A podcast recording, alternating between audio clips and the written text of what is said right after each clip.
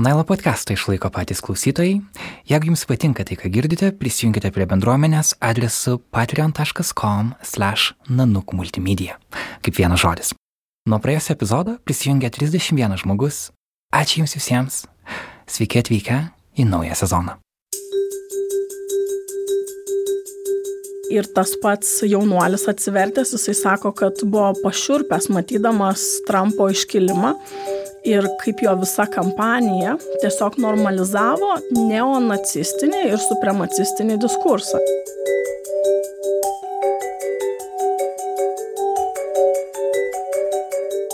Sveiki, aš esu Karolis Pilypas Litkevičius, esu Nanuk multimedijų žurnalistas.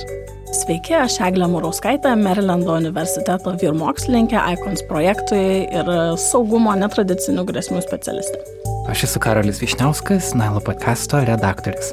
Mes grįžtame į studiją po mėnesio pertraukos, mėnesio, kuris iš ties nebuvo atostogos. Per jį atidarėme Nailo podcasto parodą Vilniuje, Martino Mašvito bibliotekoje. Ji veiks dar iki kovo vidurio, tad kviečiame užeiti. Taip pat pasidaliname keliais bonus pokalbiais iš Nacionalinio žmogaus teisų forumo, o šiandien jūs girdite pirmąjį 2019 m. Nailo Update epizodą. Šiuose pokalbiuose mes diskutuojame apie pasaulio politikos tendencijas ir socialinį socialinius pokyčius. Ir šiandien mūsų tema yra neapykantos politika. Kaip radikalios pažiūros tapo normalizuotos. Po šios didelės temos kalbėsime apie tai, kas apskritai mums rūpėjo šį mėnesį.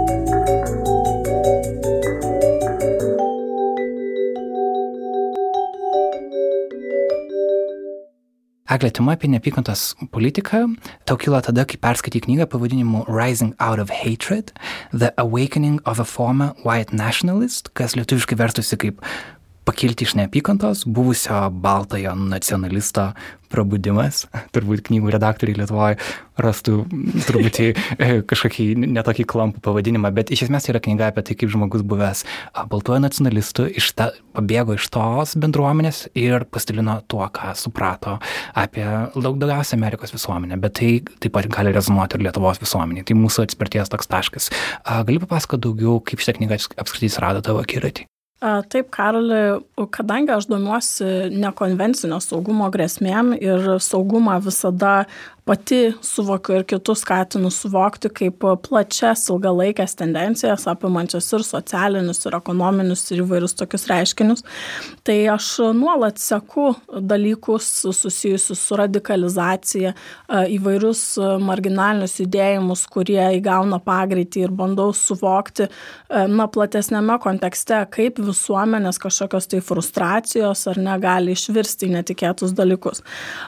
Ir šita knyga iš tikrųjų labai sujudino manyje temą e, apie neapykantos politiką, apie emocinę kalbą. Ir norėčiau gal pradėti nuo to, kad jinai yra parašyta e, rasinios neapykantos pagrindo, ar ne apie, apie rasinės politikos, e, na, džiaugsmus gal būtų ciniškas pasakymas, bet skilimus iš tikrųjų rasinių pagrindų Amerikoje, kurie išlieka vis dar aktualūs. Ir kadangi Lietuvoje, mano nuomonė, tai yra menkokai suvokiama, ant kiek tai vis dar vyksta. Tai aš labai noriu pasidalinti su klausytojais išvalgomis iš čia e, ir toliau šiek tiek aktualizuoti knygos išvalgas su dabar vykstančiomis politinėmis tendencijomis Amerikoje. Tai jeigu trumpai pristatant, reiškia, kalbina e, Washington Post žurnalistas jaunuolį, e, kaip pats minėjai, atsivertusi. E, ir to jaunuolio senelis buvo Kukluks klano didysis magistras, o tėtis įkūrė didžiausią internetinį puslapį, dabar veikiantį baltųjų supremacistų. Tas puslapis yra tiesiogiai siejamas, pavyzdžiui, su Charlottesville atakomis, su, daugia, su Europoje vykstančiomis atakomis, pavyzdžiui, Norvegijoje Breivikas vykdęs atakas ten irgi buvo aktyvus forumo narys, ar ne? Jeigu taip trumpai, tai knygos šerdis yra ta, kad, reiškia, tas jaunuolis buvo matomas kaip, nu, logiškas paveldėtojas šitos vas baltųjų supremacistų giminės tesėjas, sekantis lyderis. Ir jis iš tikrųjų buvo labai populiarus. Jis buvo labai išsilavinęs, labai geras retorikas ir, ir tikrai jam puikiai sekėsi patraukti žmonės į savo pusę.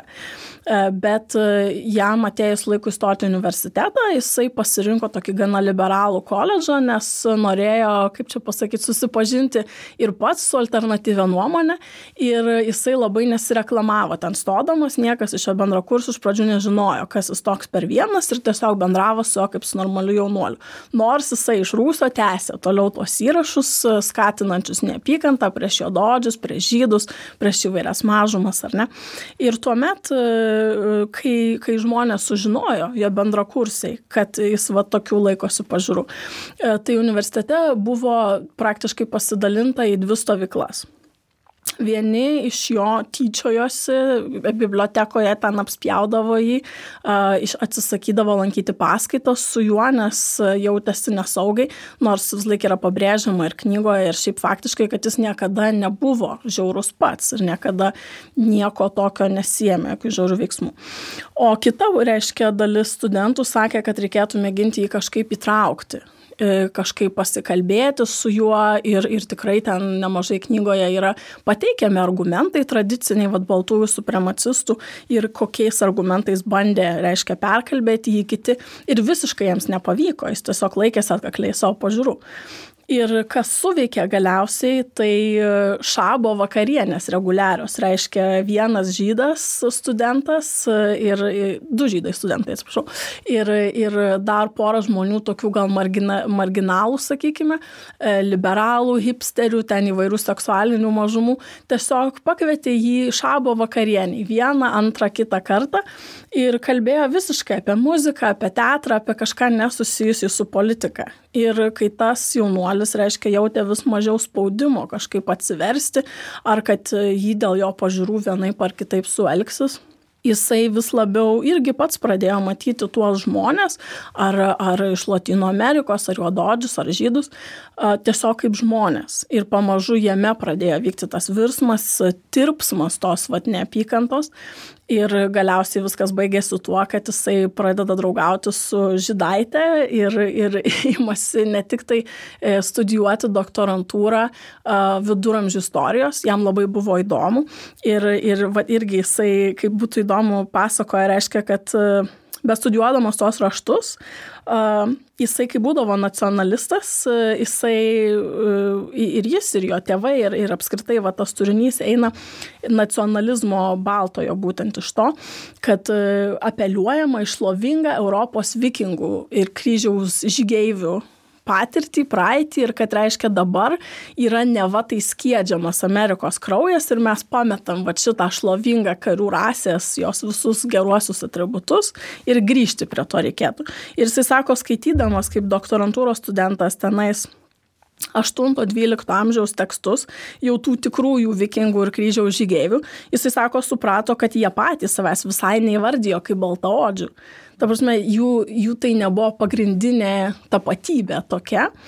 Ir, ir kad tos delegacijos keliaujančios iš Europos, jos e, tiek buvo materialiai motivuojamos, tiek, tiek ideologiškai, religiškai ir ta rasė visai jiems nevaidino. Jie patys savęs taip nesuvokė kaip baltaodžiai E, o ne kažkokia kitokia. Nu ir čia buvo paskutinis jam akmuo lemiamas, e, kuris nusirito ir sujudino jos tojus įsitikinimus ir jisai pradėjo aktyviai kalbėti. Jau tada su tais supremacistais, kad reiškia yra blogai, ką mes darom, tai tiesiog faktiškai netitinka. Įvairios studijos buvo kritikuojamos, kurios, pavyzdžiui, bando parodyti, kad Afrikos amerikiečiai turi žemesnį IQ dėl kažkokių rasinių dalykų, jis pradėjo tai kritikuoti. Ir, žodžiu, jisai, jisai ėmėsi aktyvių veiksmų kad nu, kovoti su šitų diskursų. Tai aš kalbu apie visą tai taip išsamei todėl, kad man atrodo apskritai mažai Lietuvoje yra suvokiama, kaip ta, tie rasiniai dalykai vis dar yra gyvi Amerikoje kokiu jie pagrindu, kodėl, kad tai vat, yra ta, ta, tas ryšys su Europą, man atrodo, tai yra nauja daugam. E, apie tai mes buvom šiek tiek kalbėję praeitose laidose, ką daryti su kitaminčiais. Ir man čia, pažiūrėjau, buvo labai stiprus faktiškai pagrįstas atsakymas, kad izolacija kažkokia atsiskirkim ar neapykanta tikrai neveikia. Bandymas žmogų racionaliais argumentais paveikti net ir labai protinga, nu irgi ne visada veikia. Ir Ir, ir jeigu matoma yra prasmė dialogą, tai tas dialogas turi vykti tokiam nuganėtinai neutraliam laukia, kad prisijaukinti reikia tuos kitaminčius. Tai man atrodo, kad čia yra labai stiprus atspirties taškai. Ir dar ką noriu paminėti irgi susijusio su ši knyga, aktualizuojant dabar, kas vyksta, reiškia, Amerikoje. Tai ir tas pats jaunuolis atsivertęs, jisai sako, kad buvo pašiurpęs matydamas Trumpo iškilimą ir kaip, kaip jo visa kampanija tiesiog normalizavo neonacistinį ir supremacistinį diskursą. Reiškia, tas tinklapis, kurį minėjau pradžioje, įtakingiausias baltųjų supremacistų tinklapis, jisai, pavyzdžiui, siūlydavo, kokiais argumentais įrodyti, kad baltųjų rasė yra pranašesnė. Ir tas jaunuolis sako, kad e, jisai matė Trumpo kompaniją tiesiog adaptuojant tas frazes, tą, tą kalbą. Ir jisai buvo pašiurpęs, kad tai transliuojama nacionalinėje. Tarsi kažkas Trumpo komandai realiai skaito. Taip, taip, tai taip netarsi, o iš tikrųjų. Aha. Ir Trumpo komanda norėjo aktyviai konsultuotis su vienu iš to tinklapio ko įkūrėjų, kuris dėl savo rasistinių, neonacistinių pažiūrų yra, e, nu, kaip sakyti, persona non grata daugelį šalių, net ir Europos, ne tik Amerikoje. Tai jie aktyviai jo, su juo kontaktavo ir konsultavosi. Ir dar svarbiausia, jie truputėlį atgal laikė kalba apie tai, kad kai Trumpo tik tai pradėjo kilti tas fenomenas ten prieš, prieš prezidento kampaniją, tai jiems buvo neįtikėtina, kad tiems patiems, reiškia, baltiesiams supremacistams jis atrodė, nu, kažkoks nevertas, kaip televizijos laidų kažkokia pop žvaigždė, jis atrodė, nu, nesupranta, apie ką čia reikalai. Ir, ir jis, reiškia, pasiemė jų visą retoriką ir kaip ir šiek tiek normalizavo ir prisijaukino matyti ir juos. Tai, nu, iš tikrųjų, kai suvoki tą, kad e, tas pats vadinamosis Tea Party dešinės judėjimas kalba apie tokius dalykus kaip Amerikos kraujo teršimas arba kriminaliniai trečiojo pasaulio žmonės, tai tikrai yra retorika paimta tiesiai iš ten. E, apie tokius dalykus net nereikia Trumpo. Tas pats Mitronis, pavyzdžiui, kalba ir kalbėjo savo kompanijoje apie savideportacijos politiką irgi vienas iš va tų vat nacionalistų argumentų, kad reiškia reikėtų sukurti tokias sąlygas, kad visi afroamerikiečiai, Latino Amerikos kilmės žmonės arba imigrantai be pilietybės, kad jiems čia pasidarytų taip sunku gyventi dėl kažkokių ar biurokratinių ar finansinių priežasčių, kad jie patys pasirinktų išvykti. Tai yra nuo seno irgi vatų baltų nacionalistų siūloma linija ir Mitromni tai sakė savo kampanijoje, kad vat, tai būtų... Ar tai buvo kom kampanija prieš Obamą, turiu meni tuos, tuos metus, ne. ar, ar dabar kažkada naujesnius laikus? Ne, apskritai, tai yra viena iš jo politikos, tarsi jisai laikosi vis dar tų pačių. Įdomu, nes Rom, Rom dažnai laikomas tokiu visai taip, pakankamai subalansuotų politikų. Taip, taip, taip. Tai vat, mes prie to ir einame, ar ne? Jeigu kas nors paklaustų, va šiaip žmogaus ar gatvė, ar Amerikoje, ar Europoje, ar jūs remtumėte neonačius, nors turbūt paskaitų ne. Bet yra daug žmonių, kurie uh, priima teiginius, kurie yra siūlomi vat būtent e, to, tokių, su tokių pažiūrų žmonių, maloniu, stabiliu, ramiu tonu, pateikiant neva mokslinės studijas arba neva racionalius argumentus ir praslysta tai. Ir tai atrodo, nu, gal čia netaip jau ir crazy iš tikrųjų. Mm, ir taip įvyksta normalizavimas. Hm, tai ką? mes ir Lietuvoje turime tokį vieną pavyzdį, kur gerbiamas Bačiulis teigia, kad atstovauja dešiniai nuomoniai ir, ir nu, yra žmonių, kurie gerbė jį kaip gynybos arba JAV politikos ekspertą. Ir, ir nu, toks yra kaip ir beveik vagė bedaro požiūris, ar ne? Nu taip, mėtosi rasistiniais teiginiais, nu taip, kažkaip nepagarbiai atsiliepia mažumas, bet jis juk ekspertas, ar ne? Tai kažkaip gal ir tas solidus tonas ir noras kažkokios tai, nu, informuotos, stabilios, daug apriepiančios nuomonės kažkaip skatina žmonės atleisti tokius dalykus. Aš manau, kad tai yra klaida ir, ir tikrai nereikėtų praleisti prausis ideologinių šitų dalykų, o ekspertų klausimų tai yra tikrai pas mus daug ir JAV politiką išmanančių ir gynybą ypatingai. Tas pats Aleksandras Matonis, ar Davidas Šlekys, ar Jonas Omanas, Urbelis Vaidotas Tai manau, kad tikrai pasirinkti yra iš ko. Ir, ir kad, nu, kaip Lietuvoje gal tas rasistinis dalykas yra mažiau aktyvus, bet mes turime kitų neapykantos politikos apraiškų. Ir viskas ir prasideda nuo tokių daigelių, kaip jie pamažu, pamažu praslenka į normalizuotą diskursą. Tai reikėtų susisgripti mums. Man iš tikrųjų būtų labai įdomu perskaityti tą knygą, nes aš e, visą laiką vargstu galvodamas, kaip bendrauti su žmonėmis, kurie įklimpia į tą tapatybės identiteto politiką, ar ne? Nes tapatybės identiteto politika jį remiasi tuo, kad grupės žmonių, kurie turi panašius e, e sumanimus, panašią mąstyseną, remdamiesi lytimi, rase ar kažkuo turėtų susijungti kartu ir kovoti prieš kažką. Kas yra visiškai toks tribalistinis genties mentalitetas, į kurį žmogus ir mes žmonės labai lengvai įklimpstam į, tą, į tuos pastus, ar ne, nes tas mes prieš jūs e, yra labai paveikus dalykas, ypač šiuo metu, kada atrodo politika labai sudėtinga, e, visi įvykiai pasauliniai labai kompleksiški, tas paprastas mes prieš kažką yra ta sidabrinė kulka, kurią labai lengva parduoti, e, už kurią labai lengva stovėti ir atrodo, kad sunku ištraukti žmonės į tą neutralią zoną kur galima būtų pradėti diskutuoti. Čia iš tikrųjų tas yra dar faktorius e, viktimizavimo, vad kaip tu labai tiksliai pastebi mes prieš kitus ir kokiu pagrindu, nes mūsų kažkas kreudžia.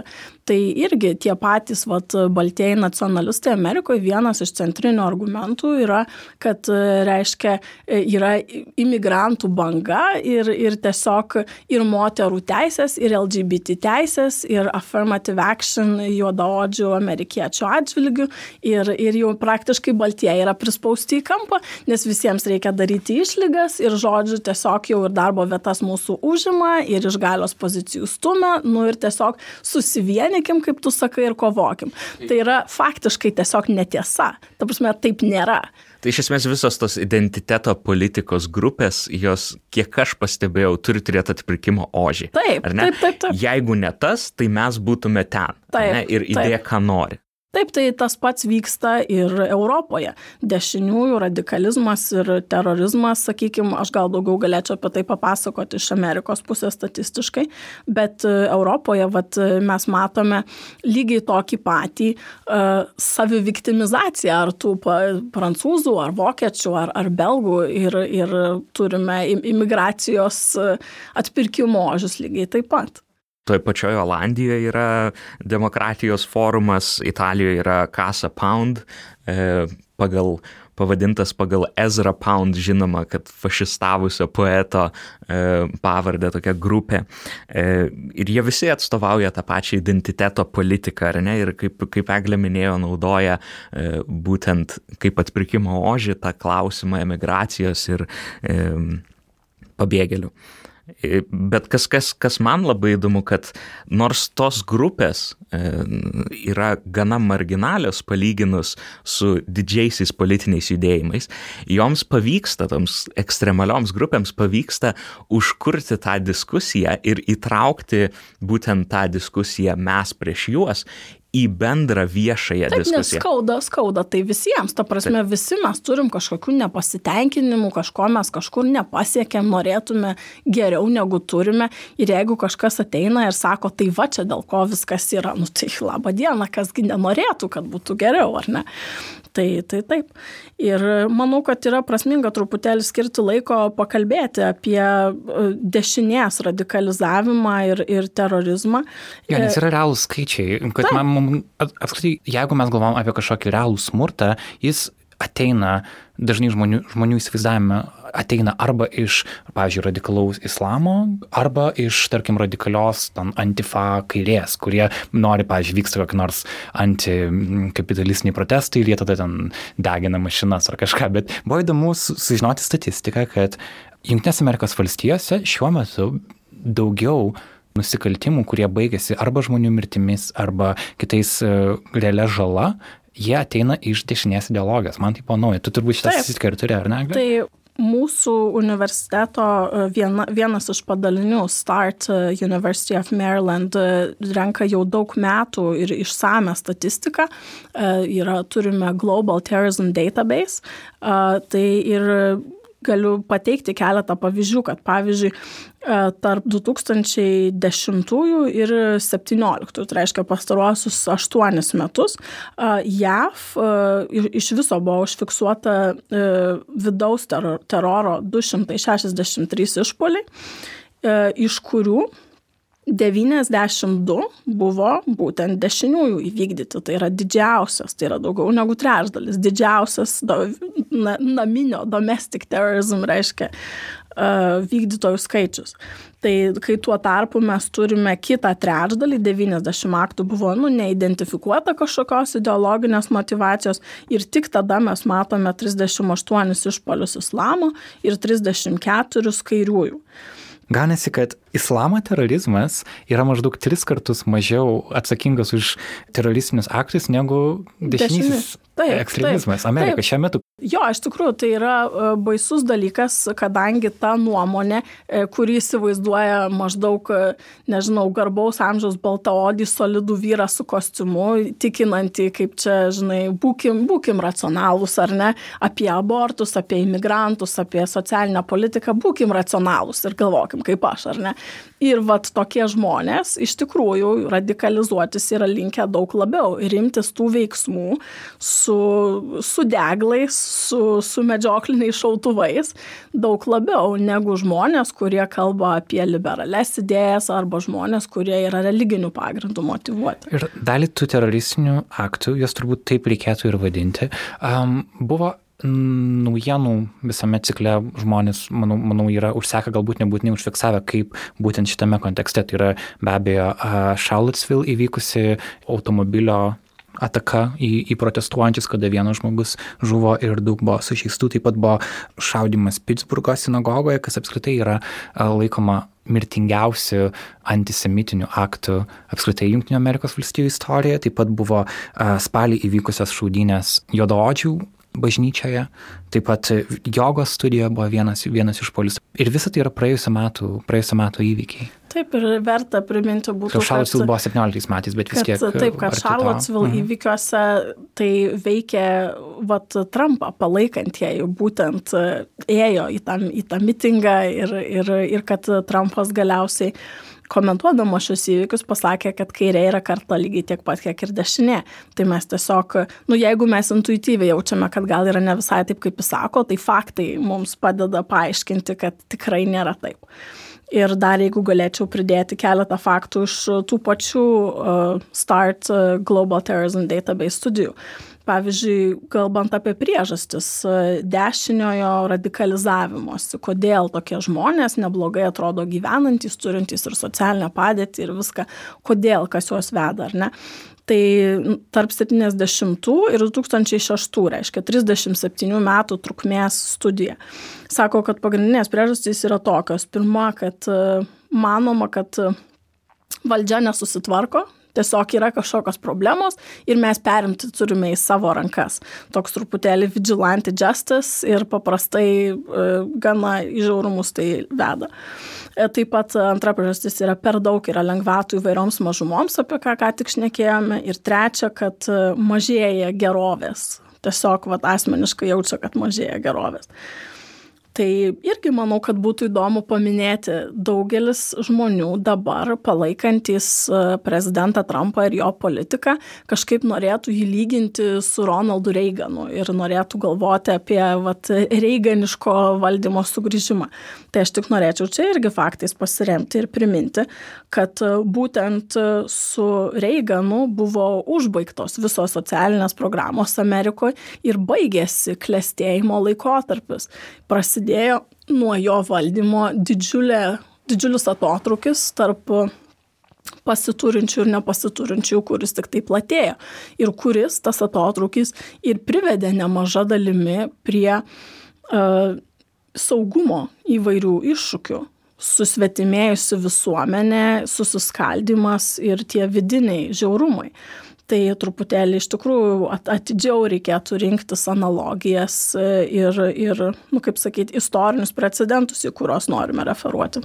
Ar galima Gdansko mero nudūrimą, nes neįvykus irgi traukti šitų neapykantos nusikaltimų uh, sąrašą? Nes vieni žmonės sako, kad tai yra tiesiog e, žmogaus, kuris turėjo psichinių problemų veiksmas, kita vertus jis turėjo politinę ideologiją taip pat. Kad labai sunku sakyti, kad tai yra tiesiog e, psichologiškai ir psichiškai nestabilaus žmogaus sukeltas dalykas. Man atrodo, kad tuo nestabilumu pasinaudoja būtent tą identiteto politiką plėtojančios grupės, nes nu, Gdansko meras jisai buvo labai liberalus, jisai buvo proeuropietiškas, jisai yra sakęs, kad Gdanskas yra atviras pabėgėliams e, ir buvo vienas iš tokių e, esminių figūrų kovojant prieš e, populistinį tą tvarkos ir teisingumo judėjimą. O vyras, kurį nužudė, kuris nužudė tą merą, um, jisai rėkė visai miniai žmonių, kad taip jisai padarė dėl to, kad būtent ta liberali partija įkalino jį už kažkokius jo veiksmus. Tai akivaizdu, kad tai buvo politizuotas dalykas. Europoje mes nematėme iš viso jokių su radikaliaja dešinė susijusių ne tik terorizmo, bet žiaurumo, jokių aktų mes nematėme. Tuo tarpu 17 metais mes matėme jų 30, tai yra tiek pat, kiek ir JAV. Tai tikrai ta, tos kryptys, tendencijos, jos peržengia sienas, būtent va, tokių va, medijų, jaunų, jaunų ideologų, tokių hipsterių, bet su kita pakraipa dėka. Nes iš tikrųjų, e, kaip minėjau pradžioje, Amerikos baltųjų supremacistų judėjimas labai turi daug bendro su neonacizmu ir Kukluks klanų taip pat. Europoje gal tos nacijų kaip Vokietijos nacijų idėjos jau gal yra praradę populiarumą, bet Amerikos diskursas suformuotas tuo pagrindu ataidi atgal į Europą ir tikrai randa auditorijas šalise, kurios mato didelę migraciją iš tos pačios Sirijos ir iš kitų Myna regiono, reiškia Šiaurės Afrikos įvairių šalių. Mm.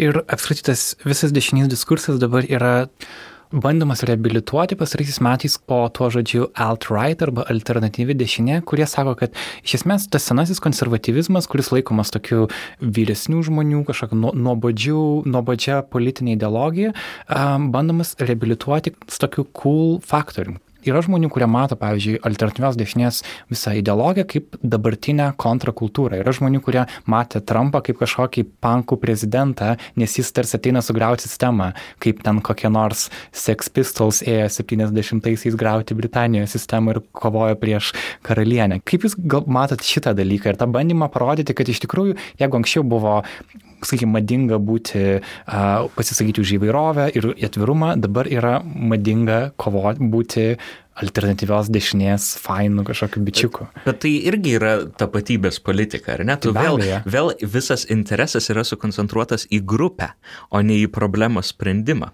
Ir be to, tas problemos ir, kaip sakyti, ne, ne tik sprendimas, bet konstruktyviai už ką jie sako, kad jie stovi, nu, tai yra fikcija. Tai yra, kodėl žmonės tai traukia, nes yra ilgimasi to stabilumo kažkokio ir to šlovingos praeities, bet tokios praeities, ko kokią teikia ir į kurią apeliuoja ta alternatyvioji dešinė, jos tiesiog nebuvo tokios. Tai yra dabarties akimis matomas konstruktas, fikcija tas stabilumas taip pat yra iliuzinis. Nu, nėra taip viskas paprasta, kaip, kad ir kaip mes norėtume. Tai tiesiog e, yra, nu, taip aš, aš galiu suprasti, kodėl žmonės tai traukia, bet e, tai nėra naujoji krikščionybė ar naujasis dvasingumas ar naujasis kažkoks patriotizmas. Tai yra ekstremizmas e, mažai pridengtas ir tiesiog dažnai nu, žmonių, kurie yra pasimetę ar frustruoti, gana, gana yra lengva juos pakabinti ant to kabliuko. Gerai, ir kiek tas rezonuoja Lietuvoje? Mes paminėjom čia Bačiulio pavardę, kuris, manau, yra iš Lietuvos tokios alternatyvios dešinės galbūt uh, ryšliausiai sakiniais kalbantis ir turintis kažkokią personą iš savęs ir dėl to daug žmonių jį yra kartu su juo, dar yra daugiau internetinių veikėjų, pavyzdžiui, pamenu tokį žmogų uh, pavadinimu blogeris Zepelinus, kuris, kaip buvo kažkada išaiškinta, yra tiesiog uh, ūkio ministerijos darbuotojas darbuotojas, ramiai savo dieną dirbantis ministerijoje, bet vakare rašantis anti-europietiškus ir um, įrašus savo Facebook ir vėlgi turintis daug palaikymo. Kaip Jūs matote ir tą Lietuvoje? Ar, ar, yra, ar Lietuvoje yra visas alternatyvios dešinės judėjimas, ar, ar tai yra vis dėlto amerikietiškas dalykas labiau? Aš tai aišku, kad Lietuvoje tą matau, nes Lietuvai yra labai sunku rasti savo identitetą po nepriklausomybės atkūrimo. Ir, ir būtent tose identiteto paieškose ir atsiranda tokios manifestacijos, kažkokios mutantiškos, kaip, kaip e, ta identiteto politika ir panašiai. Aš labai, labai matau daug paralelių su Europą. Nes pavyzdžiui, prieš 2014 metus aš Europą, apskritai kaip, kaip toks politologas Francis Fukuyama irgi sakė, aš Europą mačiau kaip, e, e, kaip tokią post-identiteto politikos e, erdvę, ne, kur, kur ta identiteto politika jau negali egzistuoti, nes tai atrodė gana tvirta unija. Bet e, po 2014 metų, po Europos tas krizės, man jau irgi atrodo kitaip, nes atrodo, kad Europai yra sunku rasti tą identitetą ir būtent tuo metu, kada tas identitetas yra ieškomas apkraibomis ir atsiranda tos, e, e, tos, tos tokios politinės rovės ir tos manifestacijos. Gerai, bet ar mes turim riziką realiam kažkokiam smurto aktams? Prasme, ar, ar gali būti, kad koks nors vaikinas su automobiliu įvažiuos į, į grupę, pavyzdžiui, protestuotojų Lietuvoje, kaip įvyko Charlottesville? Nu, aš gal norėčiau manyti, kad tai tas laikas, kai tai buvo didelė rizika, norėčiau manyti, kad tai praeina. Nes aš atsimenu, kai vykdavo tos įtynės Lietuva lietuviams e, ir vykdavo jos kas kelis, e, kiekvienais metais. Bet kažkaip dabar jos pritraukia vis mažiau žmonių ir grupės, e, kurios e, renkasi kartu ir galbūt būtų linkę į žiaurumą ar tenais mėtytis akmenimis ar peilį išsitraukti, man atrodo, kad jos yra visuomenės vis labiau marginalizuojamos. Ta prasme, yra kažkur užbrėžta riba. E, ir jeigu galvojant apie faktorius, kurie, da, kaip čia pasakyti, dažnai taip pat lemia kažkokį galbūt ar užsienio radikalų pritraukimą ar dėmesį didesnį kažkokiai šaliai, kad būtų siekiama radikalizuoti viduje esančius piliečius, tai dažnai turi kažką bendro su užsienio politika tos šalies. Tai mano nuomonė, va, pavyzdžiui, apie ką mes čia kalbame ar ne Europos atžvilgių, tai Lietuva tos e, intensyvios e, kitataučių migracijos nepatiria tikrai tokiu mastu, kaip, kaip kitos Europos šalis, bet diskurso aidai pas mus tą baimę kažkokia sukilusi vis tiek ataidi. Tai buvo juk ir darbo partijos plakatai rinkiminiai, kad mes apsaugosime juos, jūs nuo imigrantų, kurių kiek mes čia turim, 3000 per metus, nu, ta prasme, tai yra tiesiog e, problemizavimas, kūrimas problemos iš tikrųjų, kurios nėra. Tai e, manau, kad e, pas mus vat, yra pasigaunamos tos klišės kažkokios, tai apie antiislamizmą, kad ar čia pridyks pas mus minaretų ar ką, nu gal ir pridyks, bet tai dėl to, kad jeigu mes norėsim pritraukti žmonės ir būsim atviri kitoms kultūroms ir religijoms, bet tai nereiškia, kad iš tų minaretų šaudys jūsų kas nors ar kad uždarys bažnyčias. Bet iš kitos pusės, žiūrint į Lietuvos užsienio politiką, kai pavyzdžiui mes renkamės uh, Rusiją pagrindiniu priešu ir kaip mes aktyviai veikiame už Ukrainą, E, tai pas mus e, žmonių radikalizuotų ar linkusių kenkti ar užverbuotų gali būti iš kitos pakraipos. Ir kažkaip mes, nu, nesusijęme šitų diskursų. Aš jokių būdų nesakyčiau niekada, kad pas mus Rusijos grėsmė per menkai yra suvokiama priešingai. E, bet kažkaip, va, kai žmonės galvoja apie šalies viduje galimas ar teroro kažkokias atakas, ar ten radikalizmą, ar kažką tokio, kažkaip visi vat labiau linkę yra galvoti apie islamizmą ir, ir va šitą va dalyką, o apie žmonės, nežinau, iš, iš Tadžikistano ar, ar Čečenijos, kurie gali būti ir nu, nebūtinai taikiais tikslais atvykę, kažkaip mes mažiau apie tai susimastom, gal dėl to, kad jie atrodo panašiai į mus neretai. Tai tiesiog irgi aš matau tokias tendencijas Lietuvoje gal aktualesnės. Tai ne tiek susijęs su alternatyvė dešinė, kiek su galimom vidaus teroro riziko.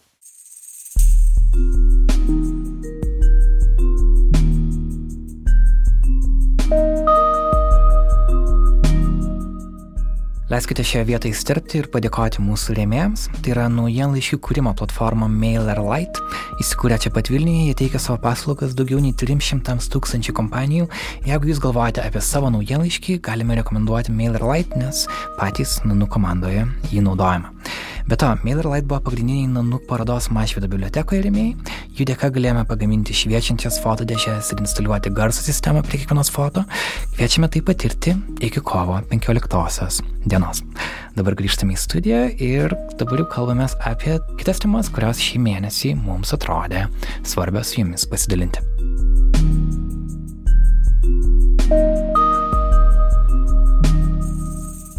Taigi šiuo metu vykstantis government shutdown, kurį versčiau lietuviškai kaip valstybės funkcijų suspendavimas, yra ilgiausias kada nors vykęs toks suspendavimas. E, daugiau negu mėnesį jisai tęsiasi, prasidėjęs dar gruodį.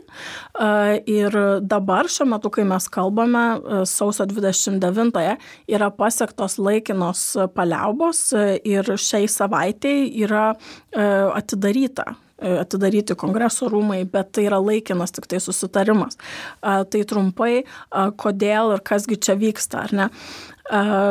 Prezidentas Trumpas atsisakė patvirtinti ateinančių metų fiskalinį naują biudžetą, nes demokratai atsisakė skirti lėšų finansuoti jo sienos su Meksika statybai.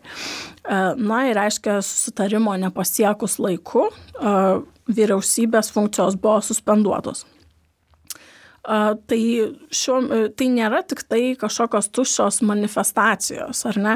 Tai labai norėčiau paminėti realiai kokių tai turėjo padarinių.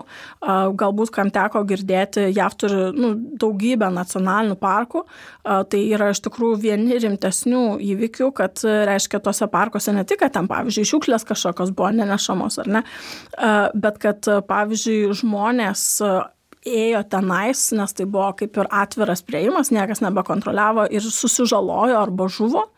E, ir turėjo savanoriškai tada neapmokamai parko darbuotojai e, keliauti ten jų gelbėti, bet ne visus, ne visus pavyko pasiekti. Ir žodžiu, kertami medžiai, pavyzdžiui, gyvūnai tenais medžiojami, laužai kūriami, pavyzdžiui, ten tam Joshua Tree nacionaliniam parke, tai sakė, ten šimtmečių prireiks atstatyti žalai, kur, kuri buvo padaryta, nes tiesiog per didelis skaičius žmonių tenais užplūdo tą parką. Tai čia tokie gamtos dalykai, bet pavyzdžiui, nu, mano Merilando universitete irgi buvo labai realūs juntami, juntamas stygius, nes, pavyzdžiui, dėstytojai, kurie yra šiaip jau valstybės tarnautojai, jie, pavyzdžiui, negalėjo vesti paskaitų. Žmonės, kurie dirba su NASA ar su kitom duomenim, pavyzdžiui, negalėjo tęsti savo tyrimų, nes nebuvo prieigos, nebuvo atnaujinami tie duomenys laiku. Daug yra bendradarbiaujama su laboratorijom, fizikos, biologijos, su valstybės laboratorijom. Negalėjo vykti tenais dalykai. Um, tai... ir, ir visa tai yra tik dėl tos Taip, sienos. Taip, taip, taip. taip. Kuris skamba kaip kažkoks pokštas. Taip, ir, ir iš tikrųjų tai nu, nereikėtų to irgi priimti lengvai, tai valstybės tarnautojai tai yra eiliniai klerkai, kurie nuo to labai stipriai nukentėjo. Tai čia nereikėtų įsivaizduoti, kad e, kokie nors, nežinau, turtingi senatoriai dabar vat, galėjo išvažiuoti neplanuoto atostogų, ar ne. E, yra tūkstančiai, tūkstančiai žmonių, kurie tiesiog buvo priversti ieškoti pagalbos maistu, kreiptis į tą vadinamąją food stamps maisto talonėlių programą, nes gyvena nuo algos iki algos, kad ir valstybės valstybinėme sektoriuje. Visą mėnesį jie negavo atlyginimą. Taip, taip. Tai siūlom, e, yra daugybė dabar iniciatyvų tiesiog spontaniškai kilusių, kurie siūlo, ten kažkokie restoranai siūlo jos pamaitinti, universitetai, kai kurie, pavyzdžiui, siūlo ateiti nemokamai paskaitas, jiems galbūt keisti kažkokią kvalifikaciją, išbandyti kursus naujus ar ne. Bet tai yra nu, daugybė tūkstančių žmonių palietusios problemos ir šalį taip pat. Ir iš tiesų dabar tos, reiškia, paliaubos vykstančios dėl persiderimo biudžeto. Tai daug kas sako, kad iš tikrųjų Trumpui nežinia, ar pavyks pastatyti sieną tarp JAV ir Meksikos, bet JAV viduje sieną tai tikrai pastatyti jam pavyko. Nes iš Jau tikrųjų pavyko. taip, pleištas įvarytas kaip reikiant tarp įvairių visuomenės grupių. Ir dabar, reiškia, dem, kongreso atstovų rūmų pirmininkė, demokratė Nancy Pelosi, atšaukė kvietimą Trumpui duoti savo metinę kalbą. Tradiciškai prezidentas kiekvienais metais kongreso rūmose apžvelgia šalies ekonomiką, grėsmės, perspektyvas ir, ir reiškia, kvietimas jam kalbėti buvo atšauktas iki neribotos datos. Tai tiesiog iš tikrųjų yra didžiulis susipriešinimas šalies viduje ir jokių būdų ne, nesakyčiau, kad gali ar demokratai trinti rankomis, kad aha, vat mes parodėm jam, ar ne, buvo priverstas Trumpas eiti į kažkokį kompromisą. Nei, nei respublikonai jokių būdų negalėtų to vadinti pergalę, kad aha, gal yra vilties pastatyti tą sieną, nes nu, tiesiog pergalė nu, nėra tas žodis bet kuriai pusėje, apie kurį mes dabar galėtume kalbėti, tiesiog yra antiek rimta situacija šalies viduje, kad e, aš net meščiau, pavyzdžiui, dabar e, tikimybės padidėjimo kokių nors išpolių vėl ekstremistinių, apie kuriuos mes kalbėjome, nes tiesiog tai yra tiek užaštrinta ir tiek daug žmonių tai palėtė.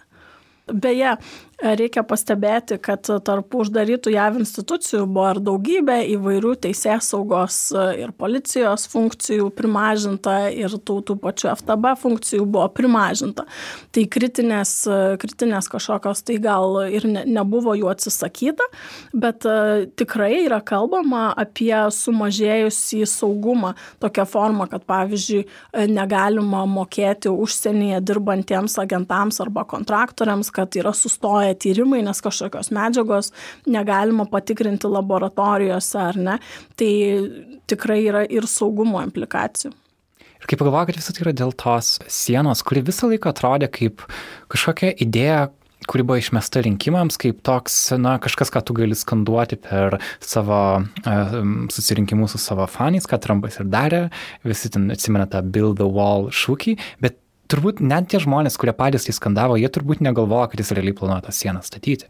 Ir kad dabar dėl tos sienos mes dabar turim Junktinės Amerikos valstijose visą mėnesio šitą pertrauką, tai man, man, tai, man tai yra sunku suvokti. Aš ne, niekada nemaniau, kad ir manau daugelis amerikiečių nemanė, kad jis realiai tiek yra pasiryžęs statyti. Aš manau, čia toks savotiškas atsiskaitimas savo rinkėjams. Ir, ne, žinai, reikia saugoti savo veidą. Dabar prie visų e, Müllerio tyrimų, kurie vis e, colis po colio artinasi arčiau jo, ar ne. Ir e, toks, e, žinai, štangos numetimas yra kaip, kaip įrodymas, kur tu vis dar stovi ir jis bando išsaugoti savo veidą tokiu būdu, aišku, grubiai. Buvogi ten manimų, kad jis gali pinigus skirtus Puerto Riko e, e, atstatymui po uragano skirs sienai galų gale vietoj, vietoj Puerto Riko. Tai aš visai nenustepčiau, jeigu jis sugalvotų e, prioritizuoti, prioritizuoti sieną dar labiau. Tai jūs galvojate, ta siena galiausiai atsiras? Nežinau, man tai labiausiai Palestinos reakcija patiko, kad, žodžiu, važiuokit, turim sieną, Benksio meno yra papiešta, galim parduoti po pigiai, tik tai persiskraidinkit. O šiandien iš JAV, kas, kas, kas daugiau vyko? Karali, galime eiti prie tavas. Aš, aš, jau, aš jau truputėlį toliau už Atlantą per Rusiją. Rusija irgi tenka. Rusų vyriausybinė agentūra, kuri atsakinga už interneto cenzūrą, toks Roskomanzor, e, pradėjo į teismą traukti Facebooką ir Twitterį e, visai neseniai, čia šią savaitę. Ir trumpai tai istorija tokia, kad e, jau gruodžio 14 dieną Rusijos dūma pradėjo stumti savo naują įstatymą tokiam interneto suverenitetui. Kitaip tariant, jie daug kas mano, kad nori atsijungti nuo bendro interneto. Bet kol kas atrodo, kad jie seka tomis pėdomis, e, kuriamis eina puikiai Kinija, jie nori to paties. Nes kodėl jie apkaltino Facebooką ir Twitterį? Nes kai buvo Dumoje pradėtas, e, pradėta kurti ta, tas įstatymas, e, Roskomonzor reikalavo, kad Facebookas ir Twitteris savo serverius, kuriuose talpina privačią informaciją, perkeltų į Rusiją. E, ir jie iškėlė 30 dienų ultimatumą Facebook'ui ir Twitteriui, bet Facebookas ir Twitteris nesureagavo per tas 30 dienų dabar jie yra paduodami į teismą. Bet e, kol kas, kodėl aš sakau, kad tai labai panašu į Kiniją. E, pavyzdžiui, jeigu tu turi iCloud, taip Karliu tu naudoji iPhone, ar ne? Tu turi iCloud. iCloud iš tikrųjų yra ne Apple serveriai, tai yra Google serveriai, kurie yra Europoje, pagrindė Amerikoje. Bet jeigu tu iCloud naudotum Kinijoje, tai tavo privati iCloud informacija būtų ne Google serveriuose, o Kinijos serveriuose. Tai faktiškai Rusija nori to paties, jie nori kuo labiau viską centralizuoti. E, galbūt viena iš svajonių yra kažkokie, kažkoks centralizuotas socialinis tinklas su socialiniais taškais, bet čia tik prognozės, bet kol kas akivaizdu, kad e, Rusija mato pavojų internete ir tas visiškai suprantama. E, kai jaunimas Maskvoje, Piteryje gali kurti repo klipus, bendrauti ir, ir organizuoti protestus, tol Rusijai tas nepatinka. E, ir Rusija aišku apsimeta, kad čia yra apsauginis manevras, apsauginis mechanizmas, e, nes Putino patarėjas Klimenko sakė, kad va, vakarų šalis gali bandyti Rusiją užrakinti nuo bendro interneto. E, tai čia atsitikti. Tai jau užsirakins patys. Tai čia, jo, tai čia yra apsauginis mechanizmas. Arba pasakys, kad va čia žiūrėkit užrakino, nors patys užsirakins, bet pasakys, kad čia buvo vakarų ataka.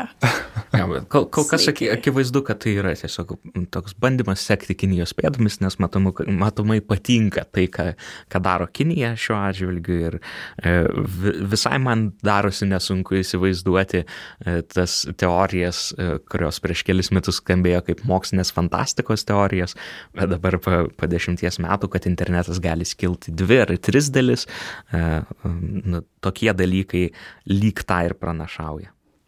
Tai pakalbėkime apie tą Kiniją.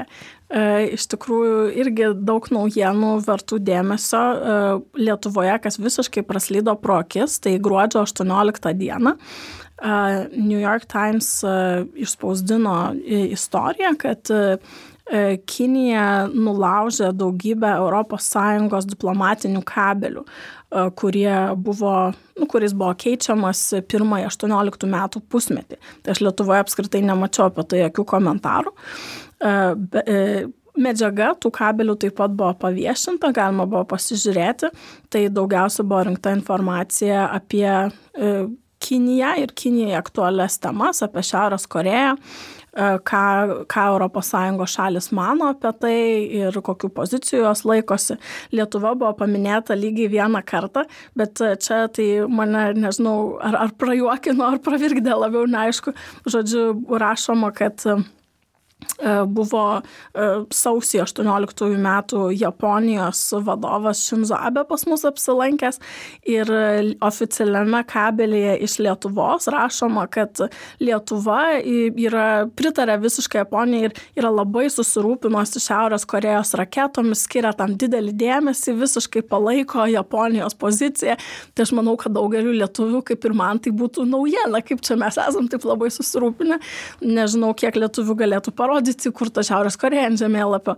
Tai ir tikrai, tarsi, ne tai, kad tai būtų faktiškai netiesa, bet e, visada yra taip sukelia šypsaną skaityti, su, kai, su kokiu mes entuzijazmu kalbame apie dalykus diplomatinėje korespondencijoje, kurie, sakykime, viešoje erdvėje, nu gal ne, ne visai taip yra švelniai. Mes apskritai apie Japoniją nelabai turim kažkokį viešą diskursą, o tas atėjo iš kur šitas pranešimas iš kažkurio, iš vyriausybės, iš prezidentūros. New York Times. New York Times jo, bet tas būtent nu, nulykintas tas dokumentas buvo rašytas tarp, tarp ko buvo. Užsienio reikalų ministerija, Aha. man atrodo, siuntė kabelį. A, supratau. Uh, tai va, o dar kalbant apie Kiniją, tai mūsų jau praeitame epizode minėta ta pati Huawei istorija plėtojasi.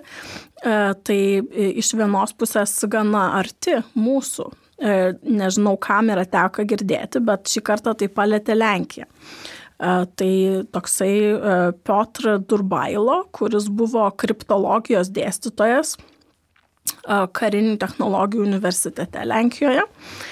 Jisai reiškia įsivėlė į espionažo skandalą, nes manoma, kad jisai ir jisai ne tik ten buvo dėstytojas, jisai prieš tai dirbo Lenkijos vidaus saugumo agentūroje E, buvo manoma, kad e, jisai teikia kažkokią tai informaciją e, Huawei darbuotojams. Huawei rėmė top studentus tame karinės technikos Lenkų universitete. Buvo stipendija ir konkursas, reiškia, laimėti kelionę į Kiniją ir tos kelionės metu būdavo lankomas Huawei headquarters būstinė. Ir žodžiu, manoma, kad tas Piotr Durbailo, vat, bendraudamas su Huawei darbuotoju vienu, kitu, trečiu, tos programos metu, reiškia, teikė jautrę informaciją tiek Huawei, tiek ir toliau Kinijos komunistų partijos organams. Ir kodėl tai kelia nerima. Amerika, pavyzdžiui, labai buvo atkreipusi didelį dėmesį į šitą informaciją.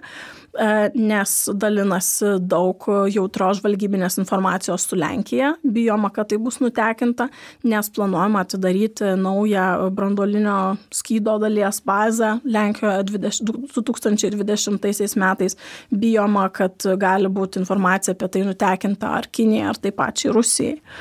E, tai iš tikrųjų šitie dalykai yra arčiau mūsų, negu mes galbūt norėtume galvoti aš džiaugiuosi matydama ir Lietuvo žiniasklaidoje e, išreikštą bent jau nominalų susirūpinimą Huawei. Ir nors tas požiūris mano nuomonė yra aplaidokas, kad nu, tai yra e, valdomos grėsmės, valdomos rizikos, ar ne, bet e, plačiau kažkaip tai diskutuoti, ar mes tikrai norime tų produktų, ar čia viskas yra ok, kokios tos rizikos, kam ir kas jas valdo ir kaip, tai manau būtų sąžininga atliepiant diskursą vykstantį su Huawei ir apie Huawei tiek JAV, tiek kitose Europos valstybėse kažkaip įsijungti aktyviau ir mums. Tai tiem klausytėm, kurie galbūt šį epizodą klauso per savo Huawei telefoną, ką jiem daryti? Ar jie turėtų sunerimti, ar jie turėtų pirkti naują telefoną, ar jie turėtų žudbūt nepirkti naują Huawei telefoną?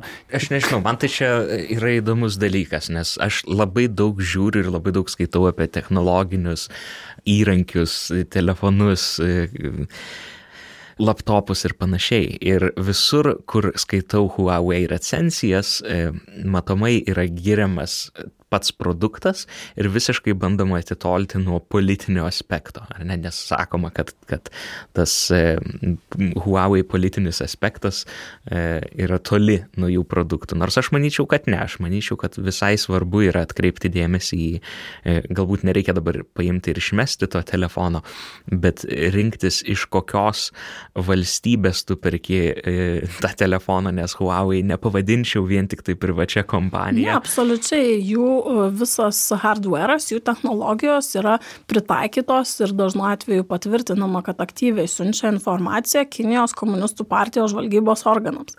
Tai jeigu jūs galvojate, kad, nu taigi aš čia esu Petras Petraitis, ką čia kinai domėsis mano pokalbiais vakare, tai jūs tik tai palaukit. Ta prasme, e, yra, yra tie telefonai aktyvuojami įvairioms funkcijoms ir tai gali būti pasiklausimas, taip pat gali būti, nežinau, naudojama nuotoliniu būdu būdu dideliems elektromagnetiniams impulsams kurti. Gali būti per daugybę telefonų susietų vienoje šalyje propaguojamos atakos. Ta prasme, tai yra didesnio, nu, didesnių krypčių ir pokyčių dalis ir čia tikrai jau yra tas atvejis, kai vartok atsakingai.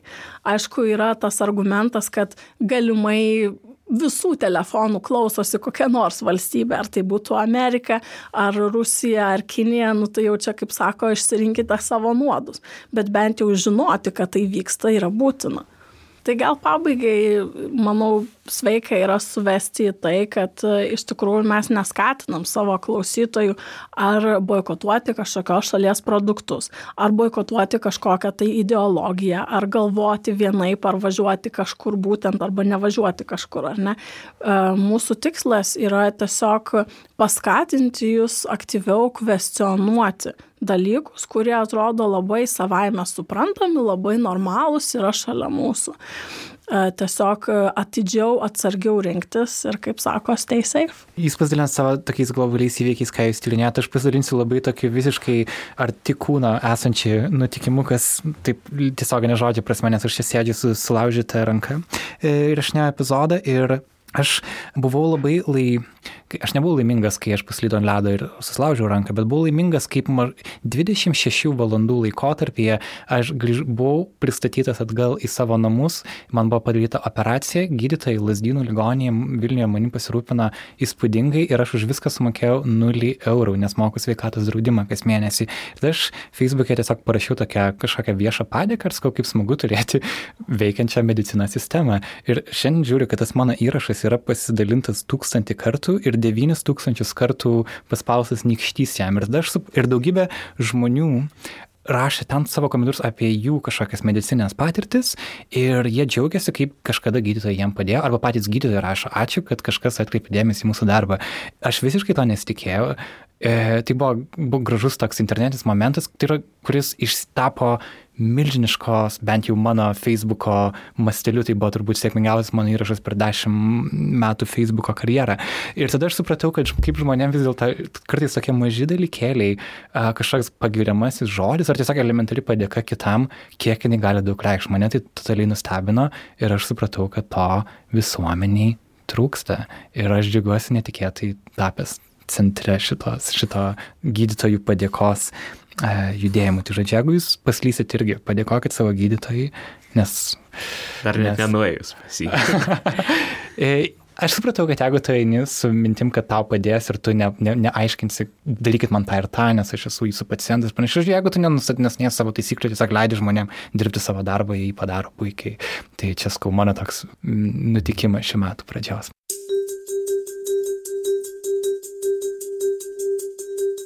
Egle, Karoli, ačiū labai, kad Grįžom prie update epizodų, šie metai bus įdomus, mes turėsim apie ką kalbėti, kviesim klausytojus įsijungti su jų klausimais. Ir taip pat kviečiame prisijungti prie mūsų Patreon kampanijos, kuri per šitą mėnesį, kol mes tarsi buvome atostogose, nuolatos vis tiek auga. Aš tuo labai labai džiaugiuosi, kad žmonės prisijungia net tada, kai mes tarsi neduodame naujo turinio. Ir aš noriu padėkoti dalį klausytojų, jų yra tiek daug, kad aš paprašysiu jūs taip pat prisijungti. Um, aš pradėsiu nuo Roko, taip pat Indrelė Levičiūtė, Mašvidas Karalius, Miglė Tumėnaitė, Karolina Dačkutė, Šarūnas Gavienas, Paulius Dubinskas, Vitanis Taugaitis, Neringa Čiukšienė, Jeva Dušitskaitė, Monika Simaškaitė, Birutė Sabatuskaitė. Čia bus mano dalis, Karali, tas toliau. Vitalija Glovatskytė, Laurinas Mar, Vladas Oleinikovas, Mindaugas Biliauskas, Rugilė Pransulytė, Augustina R., Vitalija Miniotienė. Justinas Tonkus, Aurimas Janarauskas, Vytas Neviera, Kristė Bliunkinaitė, Vykintas Livka, Monika Garnytė, Aušra Bagdonaitė, Eglė Kirdulytė, Evaldas Rimšelis, Martina Jovaišaitė Paukštė. O savo sumas padidino Karolina Liukaitė, Davilė Stonė ir Marius Galinskas. Nuo mūsų 100 dolerių ir daugiau Patreon remėjas yra Benedikto Gylio fondas. patreon.com slash nanuk multimedia. Toks yra adresas norint prisijungti prie klausytojų bendruomenės. Ačiū Mažvido bibliotekai, kurioje mes įrašinėjame šį epizodą. Ačiū garsistai Aisti Beltraitytei. Taip pat ačiū muziką sukūrusiam Martinui Gailiui. O Nailo podcastą kuria multimedijų agentūra. Nanuk. Mūsų trijulė susitiks po mėnesio, o podcastas grįž kitą savaitę. Iki.